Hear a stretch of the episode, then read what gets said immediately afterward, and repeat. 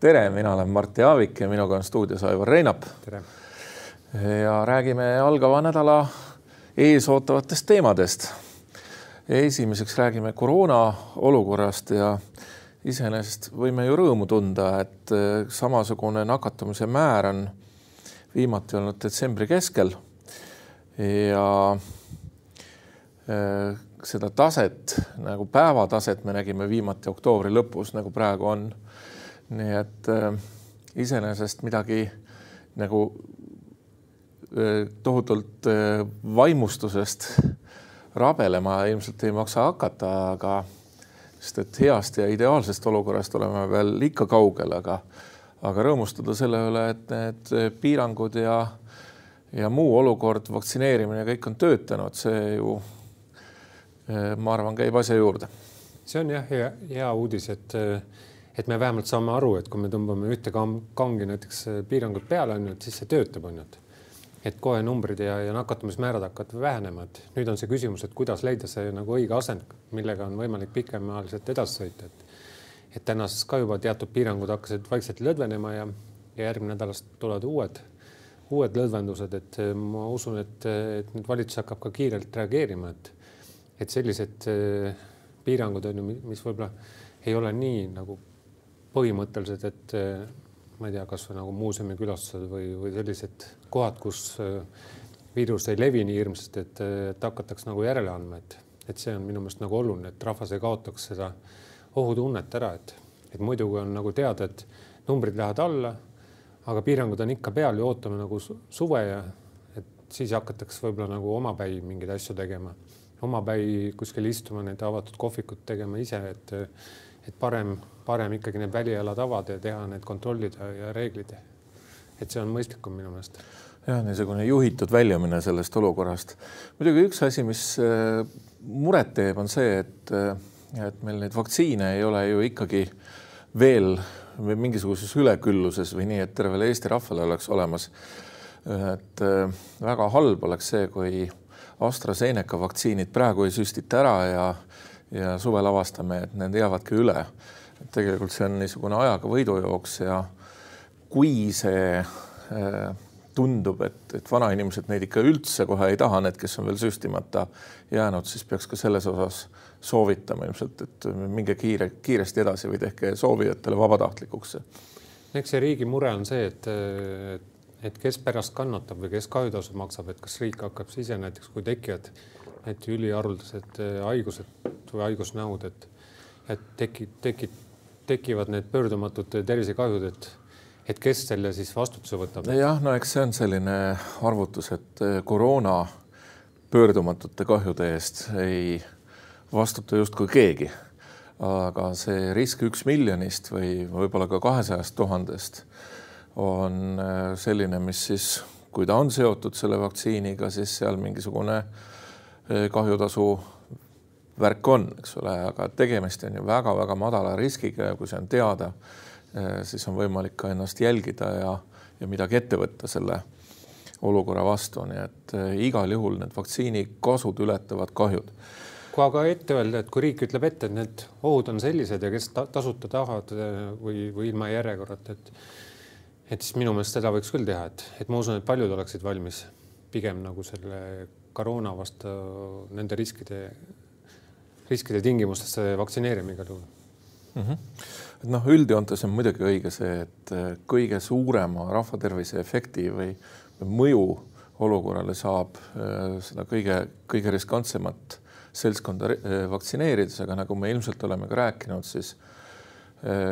ka gripivaktsiini soostumuse või nõustumusega seda gripivaktsiini teha, on ju aasta, aastate lõikes teada, et ilmselt on meil mingisugune niisugune kohordi efekt või vanusegrupi efekt, et Eesti vanemad inimesed ei kipu vabatahtlikult vaktsineerima minema üldse. Pole sellist harjumust. aga räägime järgmiseks eh, Estonia teatri võimalikust laiendusest. et eh, kui te märkasite eelmisel nädalal Postimehes, siis oli selline Äh, puust ja punaseks äh, kast ilmus Estonia taha, teatri taha meie külgedel. et kõigile rahustuseks võib öelda, et äh, keegi sellist punast kasti just ehitama ei kavatse hakata, ega isegi mitte Konstantin Pätsi pead, mis oleks leekiv punane. et ikkagi on tegemist nagu mahtude näitamisega nendel joonistel. ja mina olen väga selle poolt, et Estonia teatri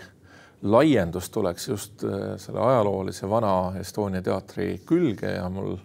tundub nagu poliitiliste indikatsioonide järgi, et selline äh, suund ja otsus ka Riigikogu kultuurikomisjonis suure tõenäosusega tuleb. kahtlemata see punast värvi suur kuubik on ju, mis tõesti mõjus väga hirmutavalt äh, sellisel kohal, et et ta käivitas vähemalt selle diskussiooni, et, et rahvas tuli elavalt kaasa ja hakati arutlema, et kas siis on nii suur või ei ole või kas sobib sinna või mitte, et et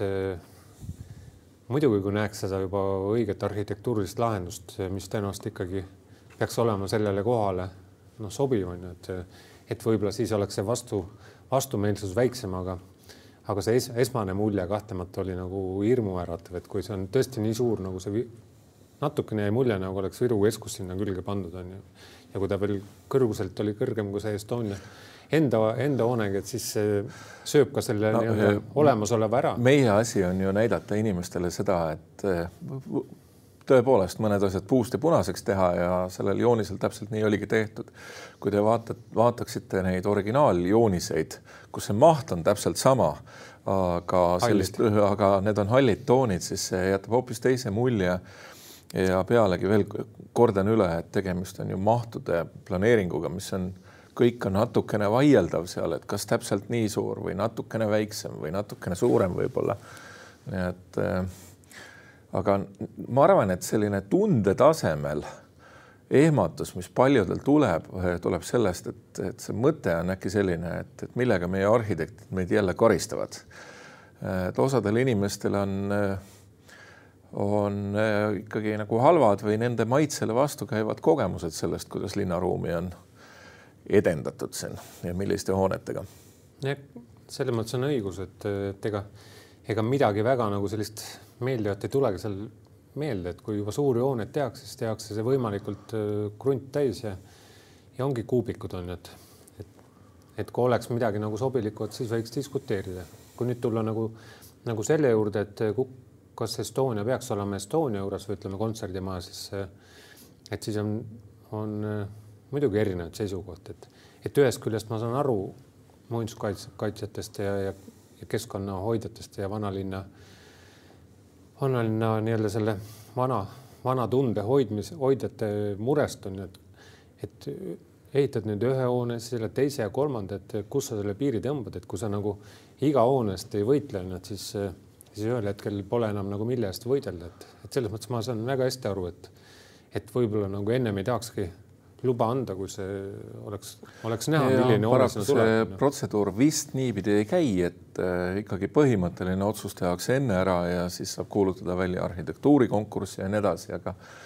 aga noh, mingis mõttes on ju ka igal hetkel äh, võimalik pidurit tõmmata või, või kui konkurss ei õnnestu, teha uus ja nii edasi ja mina oleks ikkagi optimistlikum, et kui sa ütled, et häid näiteid ei tule meelde, ma arvan, et meie Kumu ongi üks hea näide tõsi, see Kumu on ka nagu suhteliselt no, ikka. eemal kesklinnast, aga. massiivne selline betoonehitus ka. aga, aga ei saa öelda, et ta ei sobiks sellesse keskkonda, kus ta praegu on. ja ma arvan, et ta oleks sobinud mingisuguses teises lahenduses kahtlemata ka rohkem kesklinna poole. aga no ütleme kunstinäituse saal, kus need korraga käimised on ikka vähemas mahus, on nagu üks asi ja teine asi on Rahvusooper ja veel selline, mida ma isegi ütleks, et minu jaoks see kõige olulisem argument on see, et, et kui leitaks krunt, mida praegu ei ole, tegelikult ju ei ole, et need kõik variandid on läbi töötatud. mõne krundiga on midagi juhtunud vahepeal, need on eraomanduses, mingisugused teised plaanid. linnahall on ka läbi töötatud, on leitud, et see väga hästi ei sobi aga põhiline argument on ikkagi minu jaoks see, et eh, kui ka leitaks mingi teine asukoht, siis eh, see ajalooline Estonia hoone jääb sisuliselt kasutuseta või, või eluta ja ma arvan, see on väga halb tendents, kui eh, elu ja niisugune päris toimetamine liigub kesklinnast välja ja meil kesklinn jääbki selliseks nagu müüride ja, ja mingisuguste hoonekujude imetlemise kohaks. No samas sa ise ju ütlesid pealt selle viimase lausega, et, et müüride ja suurte hoonete, et,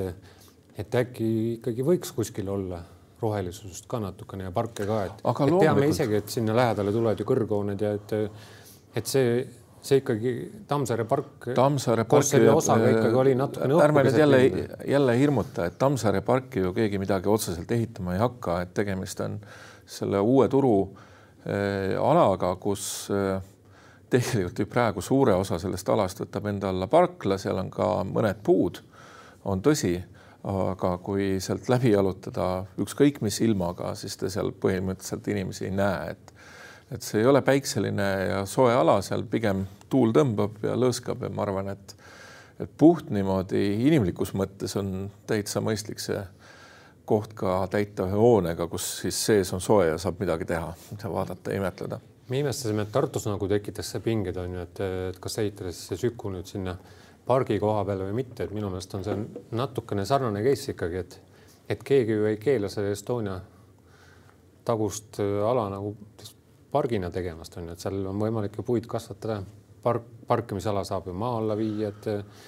et miks me peaksime seda vähest ruumi. kui sa kasvatad sinna puid, siis langeb ära teine argument, et sa saaksid äh, vaateid imetleda, et no mõelge natuke, üks asi, mis öeldakse, et vaat meil on see ilus äh, Draamateatri hoone, endine Saksa teater, niisugune üks väheseid Tallinna jugendehitisi ja ja vaated sellele kaovad sellega ära. no minge sinna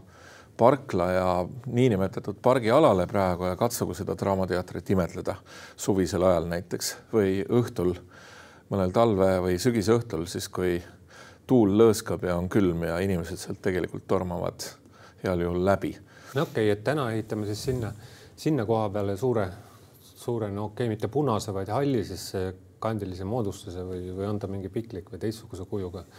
Et mida me siis järgmisena sinna, Tammsaare park on ka ju väga hea koht on ju, kus äh, tuul lõõskab, nagu sa ütlesid ja, ja. ma arvan, rahvusooperid, rahvusooperid, rahvusoopereid on meil siiski üks, et äh, ma soovitan, minge natuke, minge kõndige seal, mõtisklege selle üle, mida see koht tegelikult tähendab, mida see rahvusooper tähendab. aga üks teine vastuväide, mis me veel oleme siin kuulnud, on see, et äkki meil ei olegi seda muusikateatri traditsiooni nii heal kujul, et meil oleks vaja sellist suurt ooperisaali no mina arvan, et tuleb olla ikka eh, optimistlikum eh, oma maa ja rahva ja elu suhtes ja ja isegi kui praegu on mingis mõttes kellegi arvates madalseisus see ooperi ja balletikultuur, noh, ei ole ju päris nii, et, et meil ei ole häid esinejaid, neid on maailma mööda laiali küll ja küll. et kui saab olema üks korralik, korraliku akustikaga saal, siis ma usun, et asjad lähevad paremaks, et et siin on muidugi alati sellist tulevikku vaatavat optimismi on ka raske põhjendada, aga ma toon või olen alati toonud ühe näite, et kui kakskümmend aastat tagasi oleks kellelegi öeldud, et eestlastest saavad niisugused maailma esimuuseumis käijad, siis oleks seda ütlejat vaadatud kui täielikku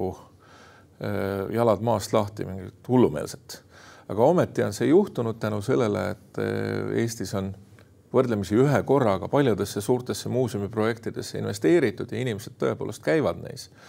ja me saame nagu tegelikult selle olukorraga päris rahul olla. nii et sina väidad, et kui anname ka suurema saali, et siis hakkab äh, ooperi tase ja balleti tase nagu. no kohe. siis on vähemalt võimalus, siis on stardiplatvorm olemas, eks ole, ja ei saa ju öelda seda, et et Eesti kultuuris ei oleks seda nagu potentsiaali olemas selleks, et et häid asju teha. eks sa räägid natuke endale vastu, et eh, kui me, kui me sinna sadamaalale või kuskile, kus on ikkagi tõusev nagu linn, et et sinna leiaksime selle koha, no ma saan aru, et, et on keeruline leida, aga nagu sinna, ma ei tea, kasvõi Patarei kindluse juurde või kuskile, kuskile leida see koht on ju, et miks see võiks siis seal aga, hakata? Eh, mõtle selle peale, eh, teatris käiakse mis ajal? ikkagi sügisel, talvisel hooajal kipub olema niimoodi, et mere ääres on tuul ja vihm natukene kurjemad kui eh, veidi eemal merest. et see ei ole mingisugune, kindlasti suve ajal niisugust, eh, mingisugust uhket kujuteldavat hoonet imetleda eh, nagu Sydney ooperiteatrit mere ääres on tore ja vahva ja huvitav. aga ma arvan, et see ei ole selline koht, kuhu sa tegelikult tahaksid õhtul kell seitse minna või sealt pärast etendust välja tulla, et et ikkagi see traditsiooniline Estonia asukoht äh, lähedal vanalinna restoranid, kõrtsid, nii edasi, kuhu pärast ooperit minna. see on mida, see on nagu väärtus omaette, et eks ta ongi maitse asi muidugi. aga räägime ka veidi eelarvestrateegiast, millest me kõik loodame, et saab siis nädala lõpus seda imet näha. ja noh, igal aastal ta ju välja tuleb ja ja, ja teatava niisuguse vähemalt ametis oleva valitsuse pikema perspektiivi annab, et, et mis siis ka järgnevatel aastatel juhtub. et kui sina oled nendele uudistele sisse vaadanud, et mis on sinu tähelepanu köitnud eelkõige? jah, nii palju, ega seal väga palju infot pole ju välja tulnud, et seda on nagu öeldud, et kolmeprotsendilise palgatõusu haridustöötajad ja kultuuri ja, ja sisejulgeoleku töötajad saavad, et, et ju siis sellega tahetakse pingeid maha võtta just nendelt nendelt äh, aktiivsematelt äh, vaidlejatelt või, või protestijatelt, et, äh, et saaks rahulikult edasi minna. noh, teisest küljest öeldakse küll samas, samas teates korraga, et, et seesama palgatõus saab tulla ainult muude püsikulude kärpimise arvelt, et, et oleme ju seda kärpimise juttu kuulnud ju, ju siin ju aastad ja kogu aeg on neid püsikulusid maha võetud, et,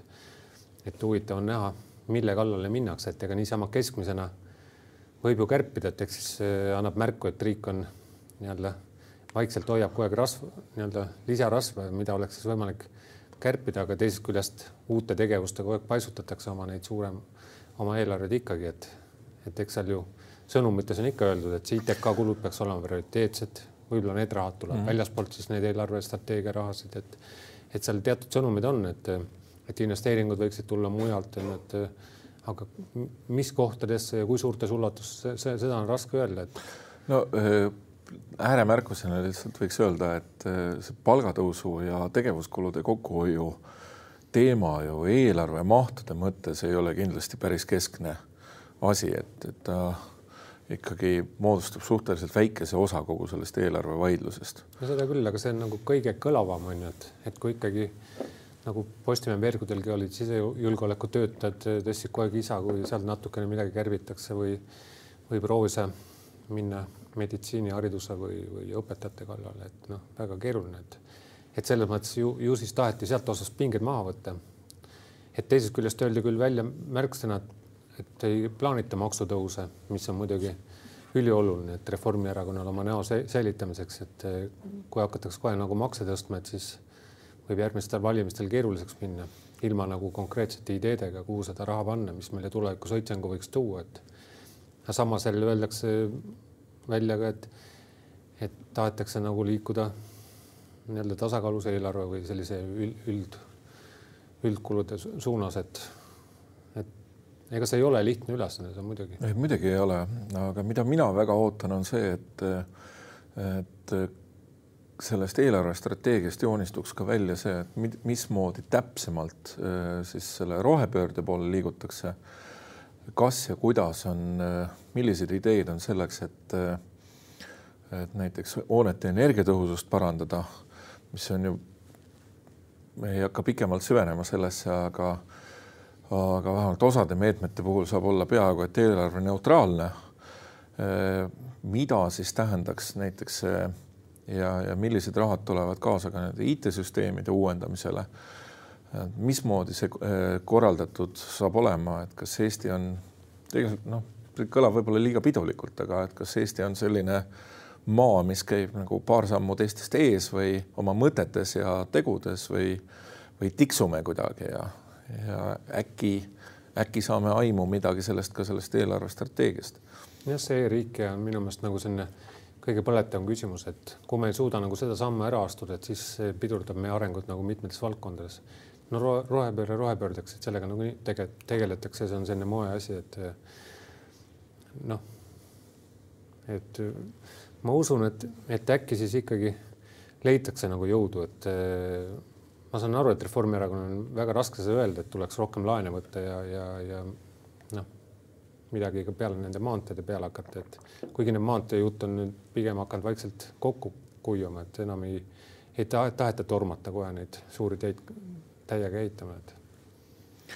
no aga saame, saame imet näha. üks teema, mis on siin olnud üleval tegelikult järjepanu, on see värske opositsiooni käitumine siis parlamendi töös obstruktsiooni näol, et pidurdades valitsuse eelnõusid ja, ja püüdes siis kas lihtsalt tähelepanu tõmmata või saada mingisugused oma muudatused, olgu siis kosmeetilisemad või sisukamad eelnõudes sisse. ja mis mina mõtlen, ma teen ühe väikese avangu, et kui Reformierakond oli opositsioonis, seda obstruktsiooni kasutati üle, et vähemalt tähelepanu tõmbamise mõttes, no see tüütas lihtsalt kõiki ära. mul tundub, et EKRE on nüüd täpselt sama taktikat kasutamas ja ma ei ole kindel, et, et see lõppkokkuvõttes neile endalegi kasulik on, et eh, nende oma niisugune tuumikvalija kindlasti saab kinnitust sellest, aga aga kas see nagu mõjub toredana või ei mõju, noh, see on omaette küsimus. minu meelest on pigem siin nagu sündimas uus poliitiline kultuur, kus eh, ka opositsioonil on oma roll, et, et kui opositsioon ikka ei kuula, on ju, lihtsalt rullida oma tee, teerulliga oma ena, enamushäältega üle, on ju, et et see ka ei ole nagu õige poliitiline kultuur, et et sel juhul siis ju pendel käib kogu aeg ühest äärmusest teise, et kui poliitiline seisukord muutub, on ju, et siis tuleb teine, kes teeb risti vastupidi, aga kui ka opositsiooni teatud äh, argumendid ja ettepanekud läbi läheksid, et siis äh, võib-olla see nii suur nagu, nagu tee äärest ühele teisele poole kaldumine võib-olla lõpeb ära, et, et selles mõttes ma isegi on huvitav näha, et, et kuidas see lõpeb, et et EKRE nüüd püüab seda Euroopa Liidu taastusraha kasutamist teatud mõtetega nagu boikoteerida või ettepanekutega, et, et vaatame, et, et kui neile antakse teatud eh, võimalus ise valida või, või et ja see läbi läheb, et siis võib ju tulevikus näha, et hakkab see ju lõpmatuseni korduma, et muidugi siin on võimalik, et peaministri usaldushääletusega on võimalik need asjad ikkagi maha tõmmata, et lõpmatuseni ei ole võimalik selliste noh, X. no just, kui on valitsuse eelnõuga tegemist, siis saab valitsus siduda usaldushääletusega selle ja ja ma ei ole kindel, et, et see pidev, ütleme, et kui opositsioon esitab sellise nagu laupkokkupõrke stsenaariumi, nagu praegu on äh, tulemas selle taasterahastuga, siis äh, ma ei ole kindel, et nüüd niisugune imeline demokraatia sünnib sellest, et äh, asjad äh, lähevad läbi valitsuse usaldushääletusega no jälle selles, ja jälle. kõik on selles, et millised on võimalused, kui on võimalik nii-öelda enda tulemust saavutada, siis ju proovitakse seda, et et kui ei ole, noh, siis äh, nad saavadki vastu näppe, et. või võtame, võtame selle NETS-i näite ehk nakkushaiguste ennetamise ja tõrje seaduse et ka kaheldamatult oleks äh, saanud need muutused, mis äh, lõpuks sinna tekkisid, sisse ka normaalse parlamentaarse protsessiga, seda enam, et et need parandus, nende paranduste poolt ju sisuliselt olid märkimisväärne hulk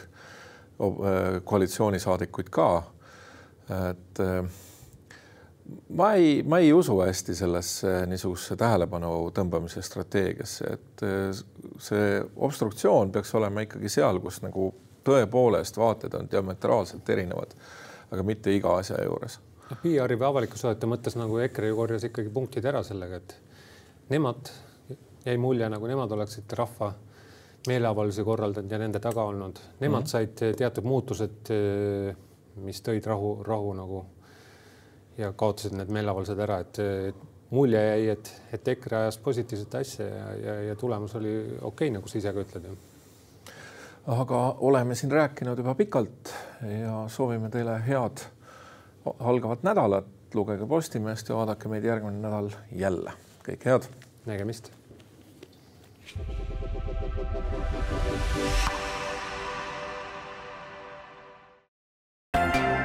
Kogu saade on kuulatav Postimehe digipaketi tellijatele veebilehel podcast.postimees.ee